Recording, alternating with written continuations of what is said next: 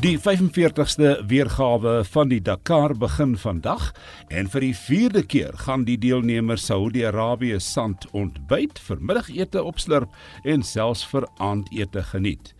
Al-Ula, Hahil en Riyadh is nou alreeds bekend aan ons deelnemers, maar die keer gaan hulle onbekende terrein verken. 4 dae in die Leë Kwartier, 'n landskap van eenvoudig niks en terselfdertyd golwende sandduine so ver as vir die oog kan sien. 14 skofte met vandag se proloog, eintlik 'n versoek van die deelnemers self om aan 'n Super Dakar tydren deel te neem. Langer en strawwer, die terugkeer na die ekstreme tydren soos van ouds, 'n tydren wat die bestuurder se vernuf, fiksheid geestelike durf en rytegniek tot in die uiterste beproef. Die vermoë van renjaer en navigator om hulle motor so te manoeuvreer om uiteindelik die tydren te voltooi met 'n voertuig heeltemal in een stuk en sodoende uithou vermoë die hoofdoelwit van die tydren te maak. Die vorige Dakar was 'n revolusionêre mylpaal vir motors toe die eerste inskrywings vir alternatiewe aandrywing die aansien van die Dakar vir ewig verander het. Elektriese hibrides het op gelyke voet met die tradisionele binnebrand engines deelgeneem en was so suksesvol dat die formaat 4 skofoorwinnings opgelewer het vir 3 verskillende renjaars. En hier het die Audi RSQ e-tron 'n nuwe standaard gestel.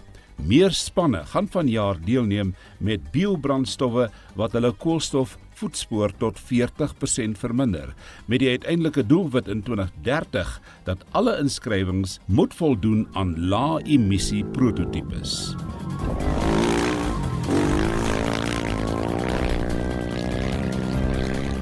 Nou na die roete. Die Dakar begin vandag by hul seekamp of Sea Camp Bivouac aan die kus van die Rooi See met 'n een eenrigtingroete reg oor die woestynkoninkryk tot aan die oorkant aan die kus van die Arabiese Golf, maar nie voor hul 4-dag roete deur Niemandsland wat bekend staan as the Empty Quarter wat voorwaar die moeilikste Dakar sedert die tydren in Saudi-Arabië aangedoen het 3 jaar gelede en die organiseerders verpak die totaal van 5000 km in 14 spesiale trajecte met vandag se kort 11 km proloog. En soos ons weet, bepaal vandag se proloog die wegspringrooster van môre se eerste skof van 603 km. En hierdie is 'n sirkelroete terug na die seekamp. Maandag begin die uittog na die woestyn oor 2 dae na Gail met oornag op Galula. 'n totaal van 1259 km. 'n Veranderende landskap van sanderige dele met klipperige tot harde gronddele en met alle waarskynlikheid sal hierdie 2 dae se toets 'n aanleiding gee van wie val in die kaf gedeelte en wie val in die koring gedeelte. Dan volg twee verskillende sirkelroetes vanuit Gail en terug, die 4de en die 5de Januarie. Die een sirkelroete 573 km en die ander 646 km. Vanaf Gail op die 6de Januarie lê 877 km voor na Al Duadimi, die langste skof van die Dakar met gereelde kartetse van duine wêreld en die renjaars wat aan die einde van hierdie skof alreeds 2500 km agter die blad het. Op dag 7 vanaf Al Duadimi volg die 4de sirkelroete van 661 km wat gevolg word op dag 8 met die uittog na Riyadh 722 km ver. En kan jy glo, die eerste week is verby. Nou kry spanne 'n dag om voorraadopname te maak op Rusdag, Maandag 9 Januarie. Vanaf Dinsdag 10 Januarie beweeg die deelnemers oor 6 dae na die suidoostelike hoek van die land, deur die Niemandsland oor Garat na Shaiba en as jy kyk na 'n landkaart, sal jy geen merke in hierdie deel van die wêreld sien nie. Geen dorpe, geen plase, geen nedersettings of geen paaie nie. Niksheid is die tema. En parallel met die Arabiese Golf na die eindbestemming Dammam 'n totaal van 3217 km oor 6 dae.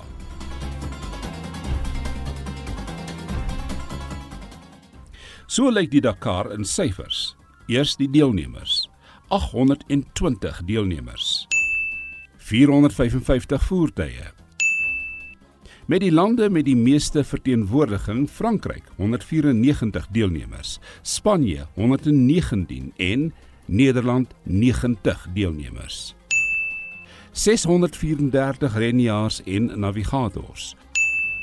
188 deelnemers vir die Dakar klassieke afdeling, dit wil sê motors voor die jaar 2000. 68 verskillende nasionaliteite. 54 vroue en 5 spanne wat heeltemal net uit vroue bestaan. Nou na die motors. 455 voertuie. 125 motorfietsse en 19 viertrekfietsse. 73 motors, 56 lorries, 47 veldbukse. 76 klassieke motors en 13 klassieke lorries. En julle, die ondersteuners? Ha, 5,6 miljoen ondersteuners in te reageer met Dakar webtuiste en sosiale media platforms.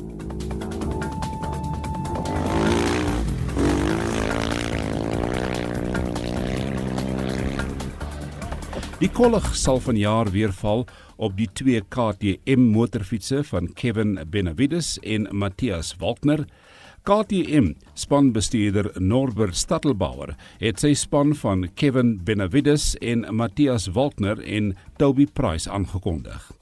Van Gas Gas is die verdedigende Dakar titelhouer en nuut gekroonde FIM World Rally Raid kampioen Sam Sunderland slaggereed om sy titel met welslae te verdedig met sy junior spanmaat Danny Sanders. Die ex-Yamaha renjaer Adrian van Beveren sluit aan by Ricky Brabeck, Pablo Quintanilla en José Ignacio Cornejo van Honda.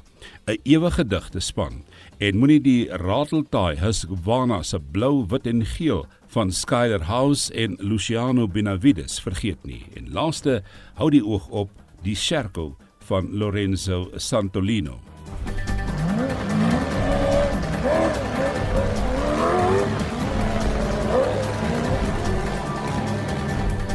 In die motorkategorie gaan die hibriede Audi's hulle staal moet wys na hulle eerste inskrywing van 2022.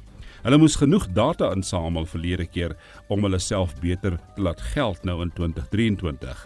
Agter die stuur van die Audi's is Stefan Petransel, Carlos Sainz en Matthias Ekstrom. My voorspelling is dat hulle die verdedigende kampioene sal laat les opsê en gepraat van die kampioene Hoe gaan Toyota Hilux die aanslag afweer? Die Suid-Afrikaans gebaseerde Toyota Gazoo het 3 Hilux bakkies ingeskryf, die verdedigende kampioene Nasser Al-Attiyah en navigator Matthew Bommel in bakkie nommer 1. Die nuwe Suid-Afrikaanse Rally Raid kampioen Janiel De Villiers en navigator Dennis Murphy in bakkie 2 en Henk Lategan en Brett Cummings wat verlede jaar die kompetisie stom geslaan het in bakkie nommer 3. Dan derdens die BRX span. Wie is hulle? Bahrein Ride Extreme. Sebastian Loop, Jelaine Chicheret en Oli Terranova is ook toegerus met die beste om weer soos in die verlede mee te ding as voorlopers.